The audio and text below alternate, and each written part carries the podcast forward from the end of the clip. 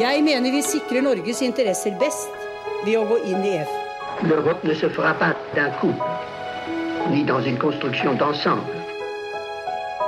Das beste Mittel, um eine Politik zu treiben, die sich auf Vertrauen gründet. Dette er ikke noe vanlig samarbeid mellom selvstendige nasjoner. Dette er en sterk og dyp integrasjon. No, no,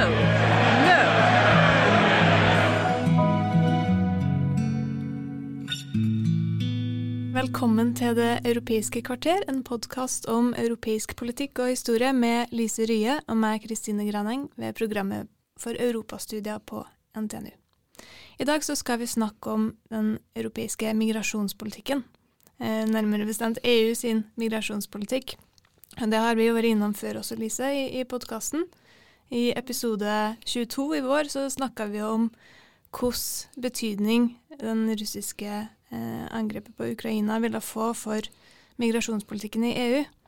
Men dette er jo et ganske stort tema som vi tenker at vi må snakke mer om. Eh, og vi tenkte vi skulle følge opp med et litt bredere blikk på EU sin migrasjonspolitikk. Hvilke verktøy er det egentlig EU har på området, og hva er det som gjør at det er så krevende å bli enig om ny politikk? Og med oss for å gjøre det, så har vi eh, stipendiat eh, på Fafo, Karin Vågland, eh, som forsker på europeisk migrasjonspolitikk, og særlig det som eh, kalles den eksterne migrasjonspolitikken. Det skal vi snakke litt mer om etter hvert, Karin, men velkommen til oss. Tusen takk.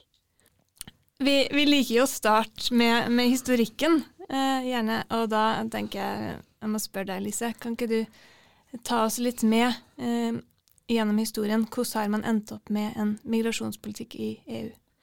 Ja, det, det kan jeg i hvert fall forsøke. Altså det, migrasjonspolitikken den er jo en del av EU sitt justis- og innenrikspolitiske samarbeid. Og det kan trekkes tilbake til 1985, da fem av EU-landene oppretta et område med reisefrihet.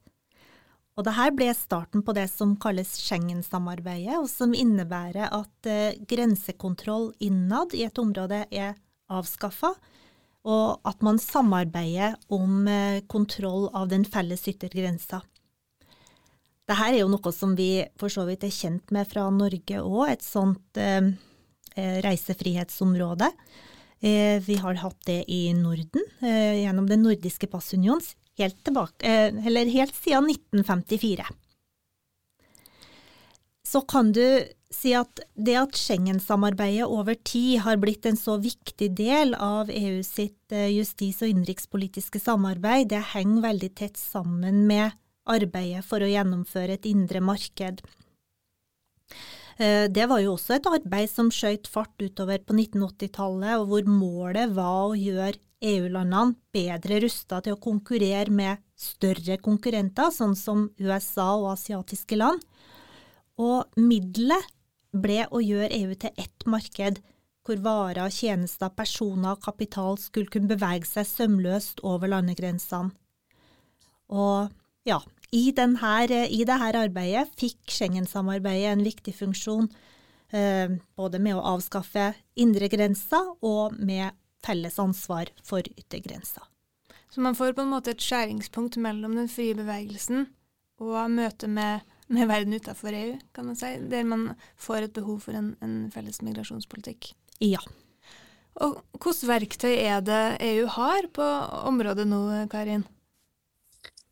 Altså det er som Lise sier, at uh, først og fremst samarbeider jo EUs medlemsstater seg imellom på intern migrasjon.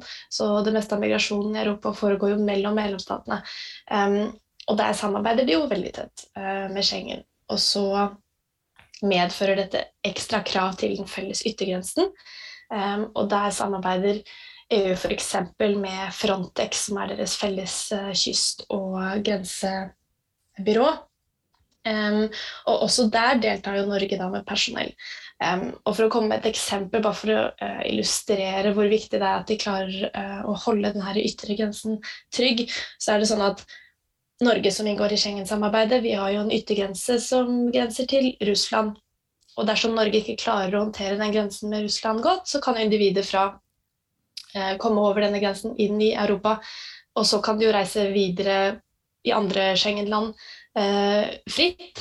Og Derfor er det veldig viktig for alle land som inngår i Schengen-samarbeidet at den ytre grensen holdes kontrollert. Og da samarbeider vi bl.a. med å sende personell til Frontex og støtte Frontex også finansielt. Men den type migrasjonspolitikk som det ofte er snakk om i EU, og det som skaper debatt og uenighet, det er den type migrasjon som kommer utenfor Europa. Og der har vi selvfølgelig veldig fokus på grensen igjen. Men i tillegg til det så er det sånn at EU-statene samarbeider med å forhindre migrasjon fra land delvis ganske langt unna Europa, som enten EU ser på som avsenderland, hvor det kommer migranter ifra, eller transittland som migrantene reiser gjennom på veien til Europa.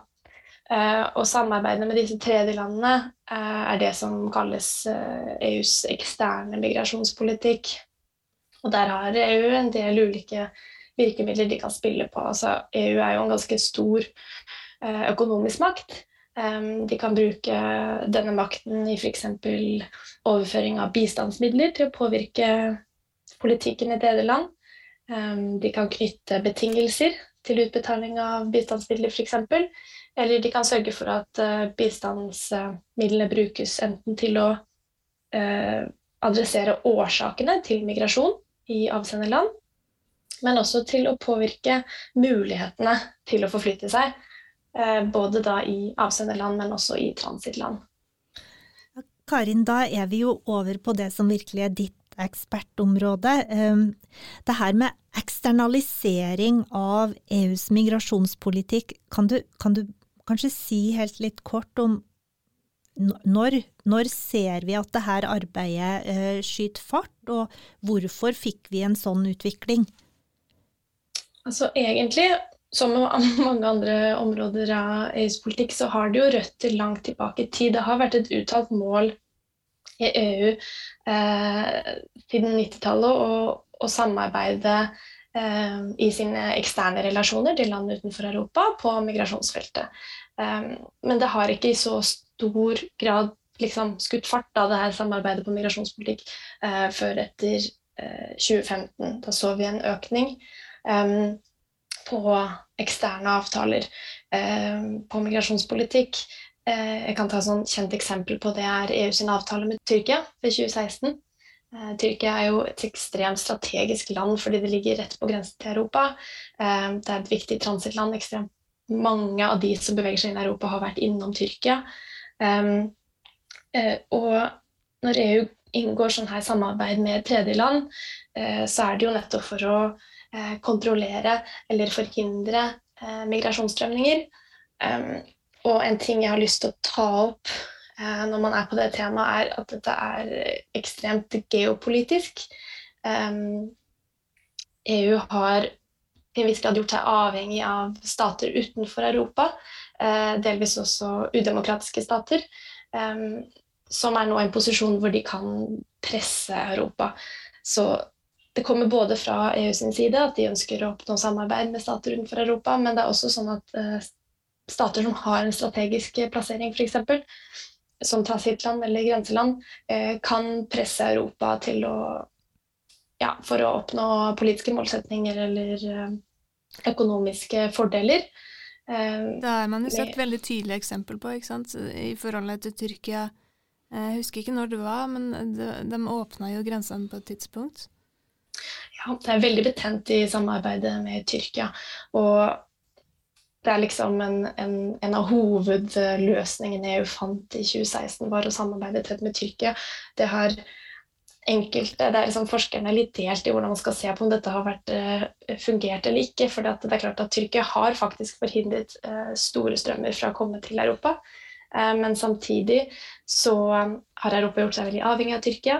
Og en deler av avtalen de hadde med Tyrkia, har ikke blitt oppfylt fra Tyrkias side det var snakk om et sånt én-til-én-forhold. At uh, individer som hadde kommet seg over grensen til Hellas, skulle sendes tilbake til Tyrkia, mot at Tyrkia da skulle få omplassert en av sine flyktninger inn i Europa. Og det én-til-én-forholdet f.eks., det fungerer ikke i det hele tatt. Uh, og det er til stadighet sånn trusler om å åpne grensen. Um, sånn at uh, man har liksom satt seg selv i en litt sånn krevende situasjon. Um, men i tillegg til, til at Tyrkia um, presser EU, så har vi også uh, litt mer ekstreme eksempler, sånn som for et år siden, i 2021, så um, oppsto det jo en uh, såkalt orkestrert migrasjonskrise på grensen Europa har med Belarus. Um, hvor det ut av det blå oppsto en gruppe på noen tusen migranter på grensen som ville inn i Europa. Og dette var individer som eh, Belarus, eller mange påpeker at Moskva antakeligvis hadde en finger med i spillet, har hentet fra helt andre deler av verden, fra Afrika, fra Afghanistan. Um, og så har de flydd dem til grensen til Europa. Um, individer som ønsker å komme inn i Europa, og som får en forhåpning om at det skal være mulig. Um, og så blir de jo møtt med stengte grenser. Uh, og Europa blir satt i en ganske krevende situasjon. Og det skaper splid både mellom medlemsstater, men også innad i medlemsstatene i Europa. Hvor omforent er man i EU om den eksterne migrasjonspolitikken? Um, det viser seg at uh, eh, EU har på en måte lettere for å komme til enighet i ekstern uh, politikk enn de har intern politikk når det gjelder uh, migrasjon. Og jeg syns at man må se på eksternaliseringen av Europas migrasjonspolitikk som um, delvis, delvis, årsaket av at Europa ikke klarer å finne interne løsninger. Um, så samarbeid med tredjeland blir på en måte det man faller tilbake på når man ikke klarer å, å få til en god omfordeling innad i Europa. Uh, og det er det vi så etter 2015. Um, enkelte medlemsland blir veldig overbyrdet med veldig mange migranter og, og asylsøkere. Og så klarer ikke Europa å finne en god løsning på det internt for å omfordele dem. Eh, og så, så, avtaler de heller med et tredjeland. Eh, og det som er den eksterne migrasjonspolitikken, at den kan være så mangt. Den kan være bistandspolitikk for å bedre utdanning og skape jobbmuligheter i avsenderlandene. Den kan være å bygge opp grenser. Sånn at eh, selv om medlemslandene har ganske ulike interesser, så kan alle finne noe i den eksterne migrasjonspolitikken som de kan støtte. Så sånn sett har det vært ganske lett for dem å, å drive en eksternalisering. Mm. Da, da, tenker jeg at vi må litt tilbake til den interne migrasjonspolitikken også, og se på det som, som en motsats.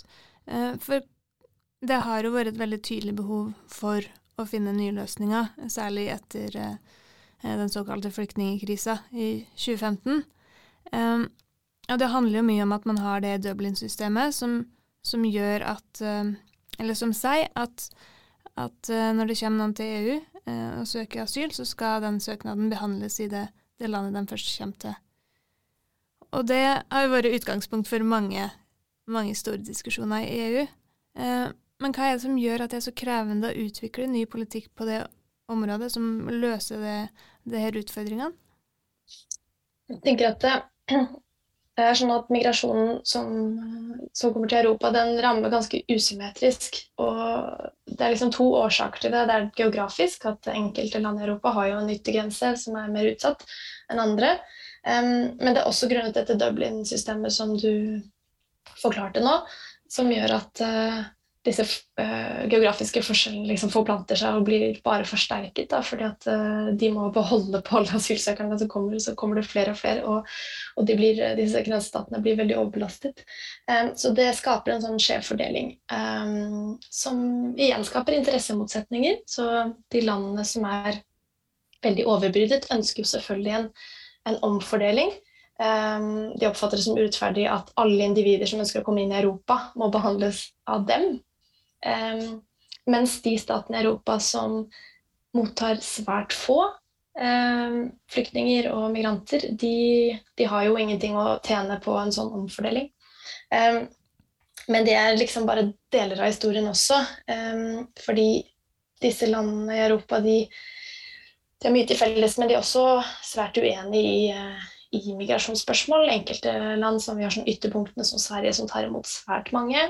Eh, og så har vi ytterpunkter igjen som Ungarn, eh, som ikke tar imot eh, mange, særlig ikke da Særlig ikke individer som skiller seg veldig fra majoritetsbefolkningen i Ungarn. Og identitet er ganske sentralt her. I enkelte land har særlig flyktninger med bakgrunn fra muslimske land blant store deler av befolkningen da blitt oppfattet som en trussel både til rikets sikkerhet og til identiteten til individene i landet. Og sånne trusselbilder kan skapes både ved å knytte innvandrere til, til terrorisme og til vold, Um, men trusselen kan også knyttes til annerledeshet, og det kan gå på alt fra religion til kultur og språk og geografisk avstand. Og nettopp migrasjonspolitikk mener egentlig EU-forskere at, at er veldig sånn tema som engasjerer befolkningen i EUs medlemsland. Og det at det engasjerer folk, gjør det vanskeligere for politikerne eh, å komme sammen i EU og fatte kompromiss. Fordi eh, hvis de eh, blir enige i EU, så kan eh, deres egen befolkning ende opp med å straffe politikerne fordi de oppfatter at eh, de setter kanskje EUs behov foran eh, landets egne individer sine behov. Mm, og det er et så, veldig godt poeng, tenker jeg. fordi ofte så, når vi snakker om EUs migrasjonspolitikk, så så snakker vi først og fremst om motsetningene mellom land. Men vi ser jo at det har skjedd ganske drastiske endringer i, eh, i eh, medlemsland som har blitt sett på som ganske liberale også. Jeg tenker særlig på Sverige, som du nevnte, som tok en ganske eh, radikal vending eh, som følge av flyktningkrisa. Det blir også veldig spennende å se hvilken retning Sverige tar nå framover i de her spørsmålene. Ja, absolutt. Det valget nå blir det spennende å følge. Og det blir spennende å følge også de landene i Europa som har gått fra omtrent ikke å ha noen innvandring, til å bli de største eh, De som absolutt huser flest flyktninger i Europa, som Polen. Mm. Mm. Så Karin, her hadde vi altså en situasjon hvor EU hadde noen verktøy. Du hadde Dublin-regelverket, eh, du hadde Schengen, som var utforma for en annen situasjon, som ikke var dimensjonert til å tåle de eh, strømmene av mennesker som, eh, som, kom til Europa fra 2015 av. Og så har du i tillegg et ekstra lag med de interne motsetningene mellom land og innad, innad i land. Eh, kan du, kan du si noen ting om hvorvidt du har sett en utvikling i EU i årene etter 2015-2016? Og ja, hva er det som egentlig har prega politikken på dette området i EU etter 2015? Kan du si noe overordna om det? Jeg snakket med en representant fra EU-kommisjonen som, som, jobber nettopp med de her interne migrasjonspolitikken, eh, som, som, påpekte at 2015 var for europeisk eh, migrasjonspolitikk det er som 11.9 var for amerikansk sikkerhetspolitikk. Eh, at eh, det symboliserer et slags paradigmeskifte da, i EU. Um, og de her eh, steile frontene som vi så mellom medlemsstater som ja, visegradsstatene, som det heter, Ungarn, Polen, Tsjekkia Slovakia på ene siden, um, som absolutt ikke ville ha noen omfordeling um, av uh, flyktninger. Og på andre siden de statene som absolutt har tatt imot flest uh, etter 2015 og fram til uh, Ukraina-konflikten, eh, som er Italia og Hellas, som på andre siden ønsket en, en endring av systemet. De steile frontene har liksom virkelig forsteinet seg og blitt veldig vanskelig å gå videre fra. Um, og denne konflikten har jo EU-kommisjonen altså virkelig sett og forstått at vi, vi, må gjøre noe med systemet. Vi må Eh, forsøke å lage en avtale som fungerer bedre for framtiden. En bærekraftig løsning for eh, migrasjon i Europa. Og den eh, såkalte nye pakten på migrasjon og asyl, den har de holdt på med nå i mange år, og de jobber videre, og det er svært krevende.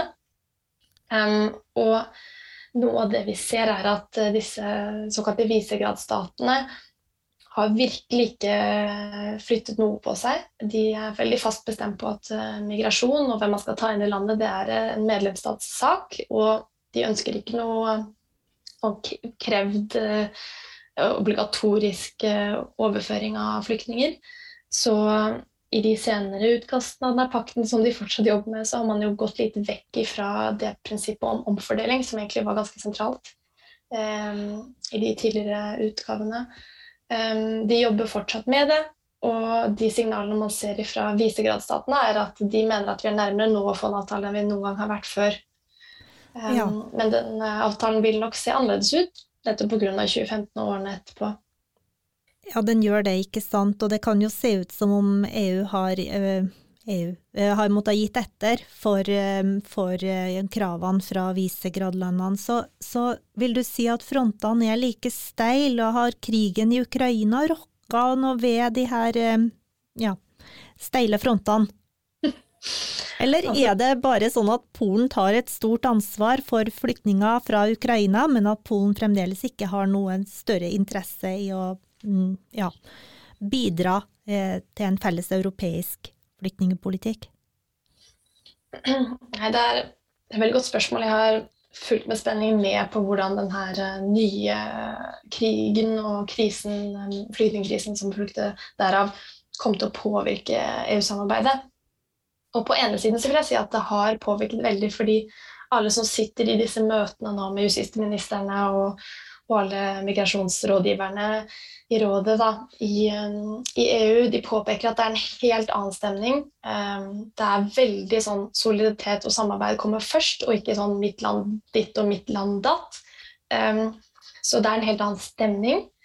Um, og Europa har jo virkelig kommet sammen uh, i lys av Ukraina-krisen på mange felt, men også på migrasjonsfeltet. Det har vært en historisk beslutning, enstemmighet, om å gi ukrainere midlertidig beskyttelse, kollektiv beskyttelse, som det kalles i Europa. Eh, men samtidig så lurer jeg på om um, den nye situasjonen hvor, hvor, stater som Ungarn plutselig har blitt de som tar imot flest uh, flyktninger, om det ikke bare bidrar til å styrke deres posisjon som foreløpig er helt uforandret. De ønsker ikke en obligatorisk forflytning av flyktninger. Uh, og de kan på en måte si det med mer pondus og med mer, mer uh, moralsk tyngde når de er det landet som absolutt huser flest. ikke sant? Og de har ikke, på samme måte som Italia og Hellas, hatt veldig behov for, uh, for, støtte. Det er en veldig annen situasjon. Men de har ikke bedt om så mye hjelp, verken i den krisen jeg snakket om tidligere, med Belarus, og nå med Ukraina-krisen.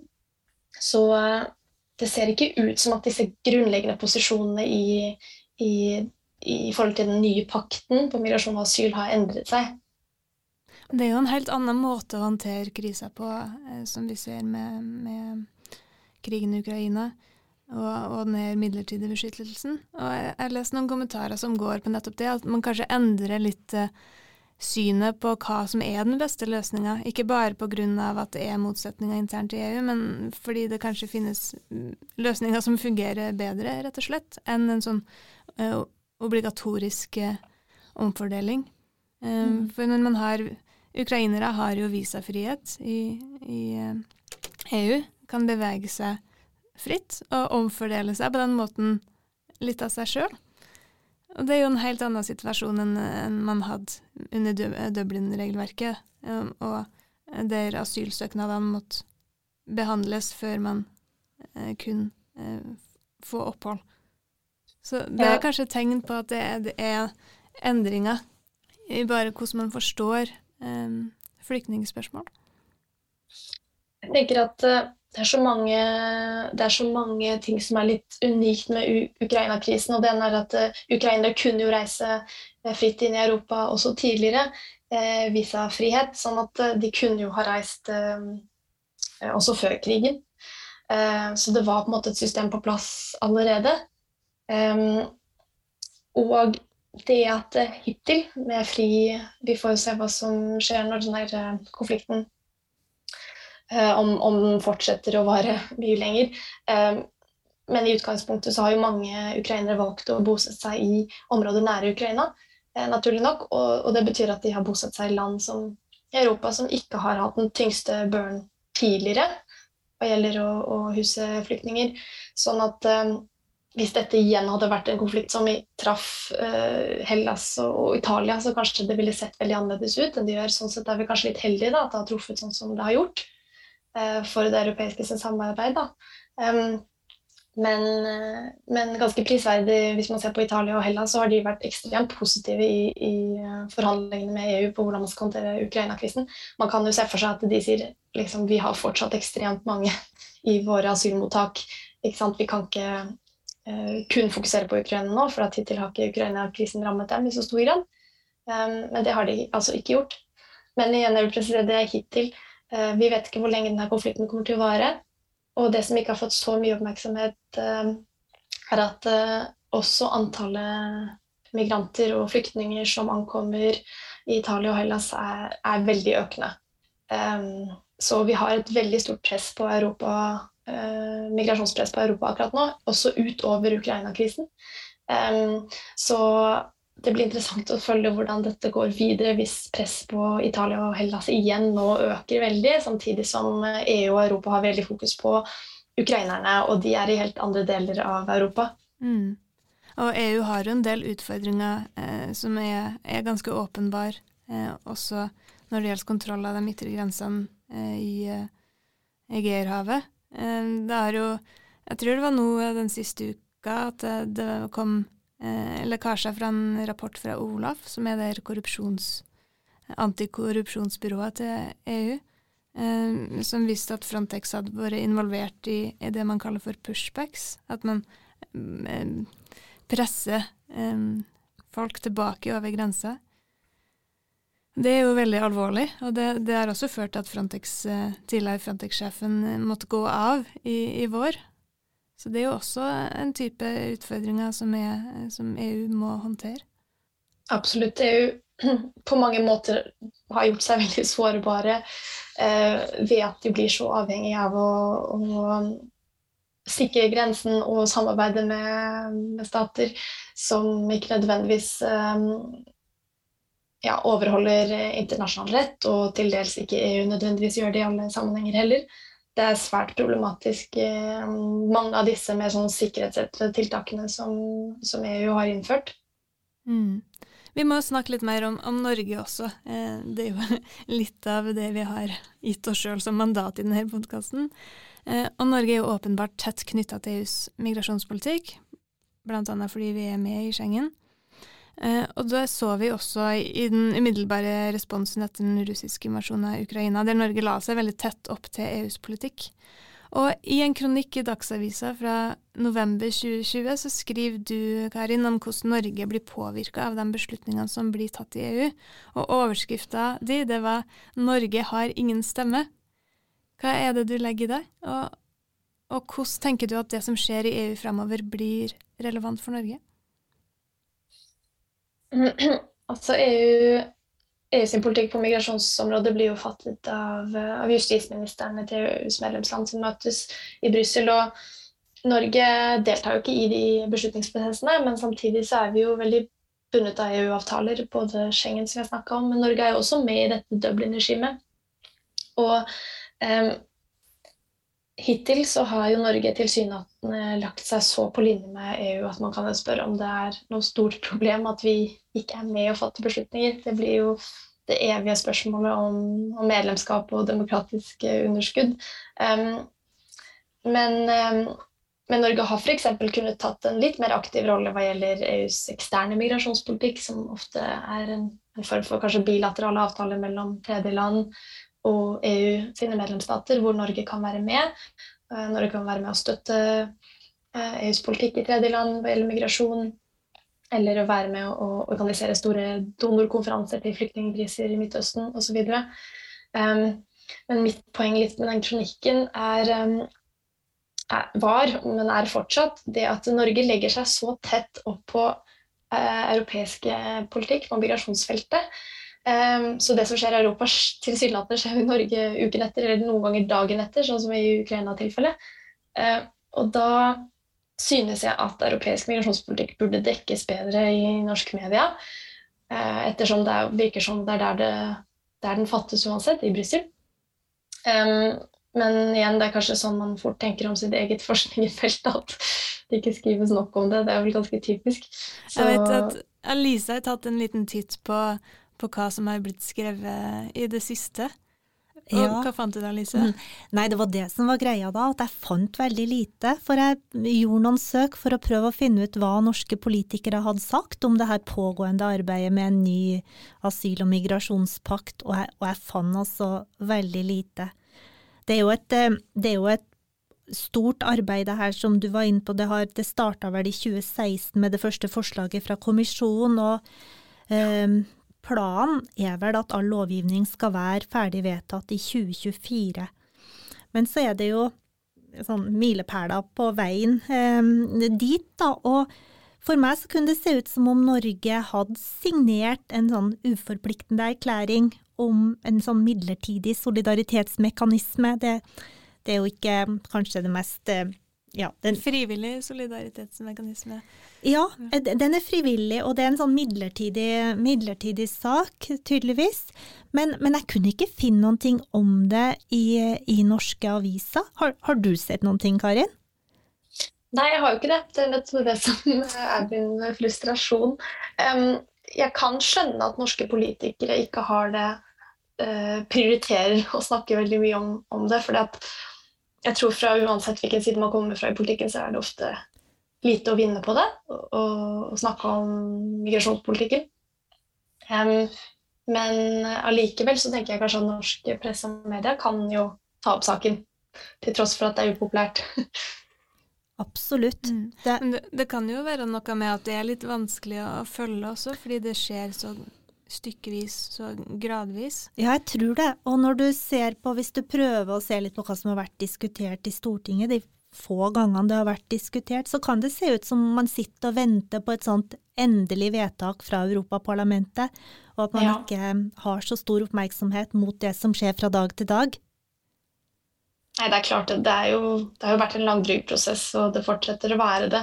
Så dersom man ikke er mer i samtalene fra dag til dag, så er det kanskje ikke heller verdt å bruke alle ressursene på å følge så tett med på det. Nei, nei da. Jeg, ser godt det poenget, men jeg tenker jo at det kunne jo være eh, opplysende om eh, man skrev litt mer om hva som er hensikten med Dublin-regelverket, eh, hvordan, hvordan vi deltar i Schengen osv. Altså, da har man i hvert fall et bedre grunnlag for å diskutere hvordan Norge skal ta, eh, forholde seg til den nye asyl- og migrasjonspakten når den endelig er ferdig vedtatt. Ja, det kunne jeg ikke vært mer enig i. Eh, altså, Det var 6. oktober nå, så var Ylva Johansson, som er eh, kommissær for eh, migrasjonsfeltet i EU, hun eh, fremla en rapport. Og jeg tenker at det er et nyttig tips hvis det er noen der ute som har lyst til å, å se litt mer på hva er det som faktisk skjer i EU akkurat nå, og ta en titt på den rapporten, for den, den viser ganske tydelig hvor, eh, hvor EU er, og hva som er veien videre. Ja, det kan se ut som om vi må gå utafor Norge for å få mer informasjon om det her. Mm. Men det var veldig oppklarende å snakke med deg, iallfall, Karin. Tusen takk for at du ville dele av kunnskapen din med oss. Det var veldig hyggelig å bli invitert. Så må du ha lykke til med innspurten av doktorgraden. Og, så, og du skal til Genéve snart og gjøre en postdoc. Hva er det du skal Ja. forske på da? Nei, det er interessant. Jeg går jo fra et ikke-EU-medlemsland til et annet eh, ikke-medlemsland. Jeg skal til Sveits. Så skal jeg fortsette å, å jobbe med global migrasjonspolitikk. Men denne gangen skal jeg se litt utover EU og så fokusere på, på FN-organ og sikkerhetsallianser og hvordan ulike internasjonale organisasjoner jobber med migrasjonspolitikk. Mm. For det, det er virkelig et stort bilde, denne migrasjonspolitikken. Det er mange det er beslutninger som blir tatt på mange nivå. Mm. Absolutt. Og det er et krevende felt å, å, å se på, men det er eh, veldig viktig å ja, bare av, eh, bare av større og større viktighet. Så det er veldig privilegium å få lov til å jobbe med det. Absolutt. Takk for praten, Karin.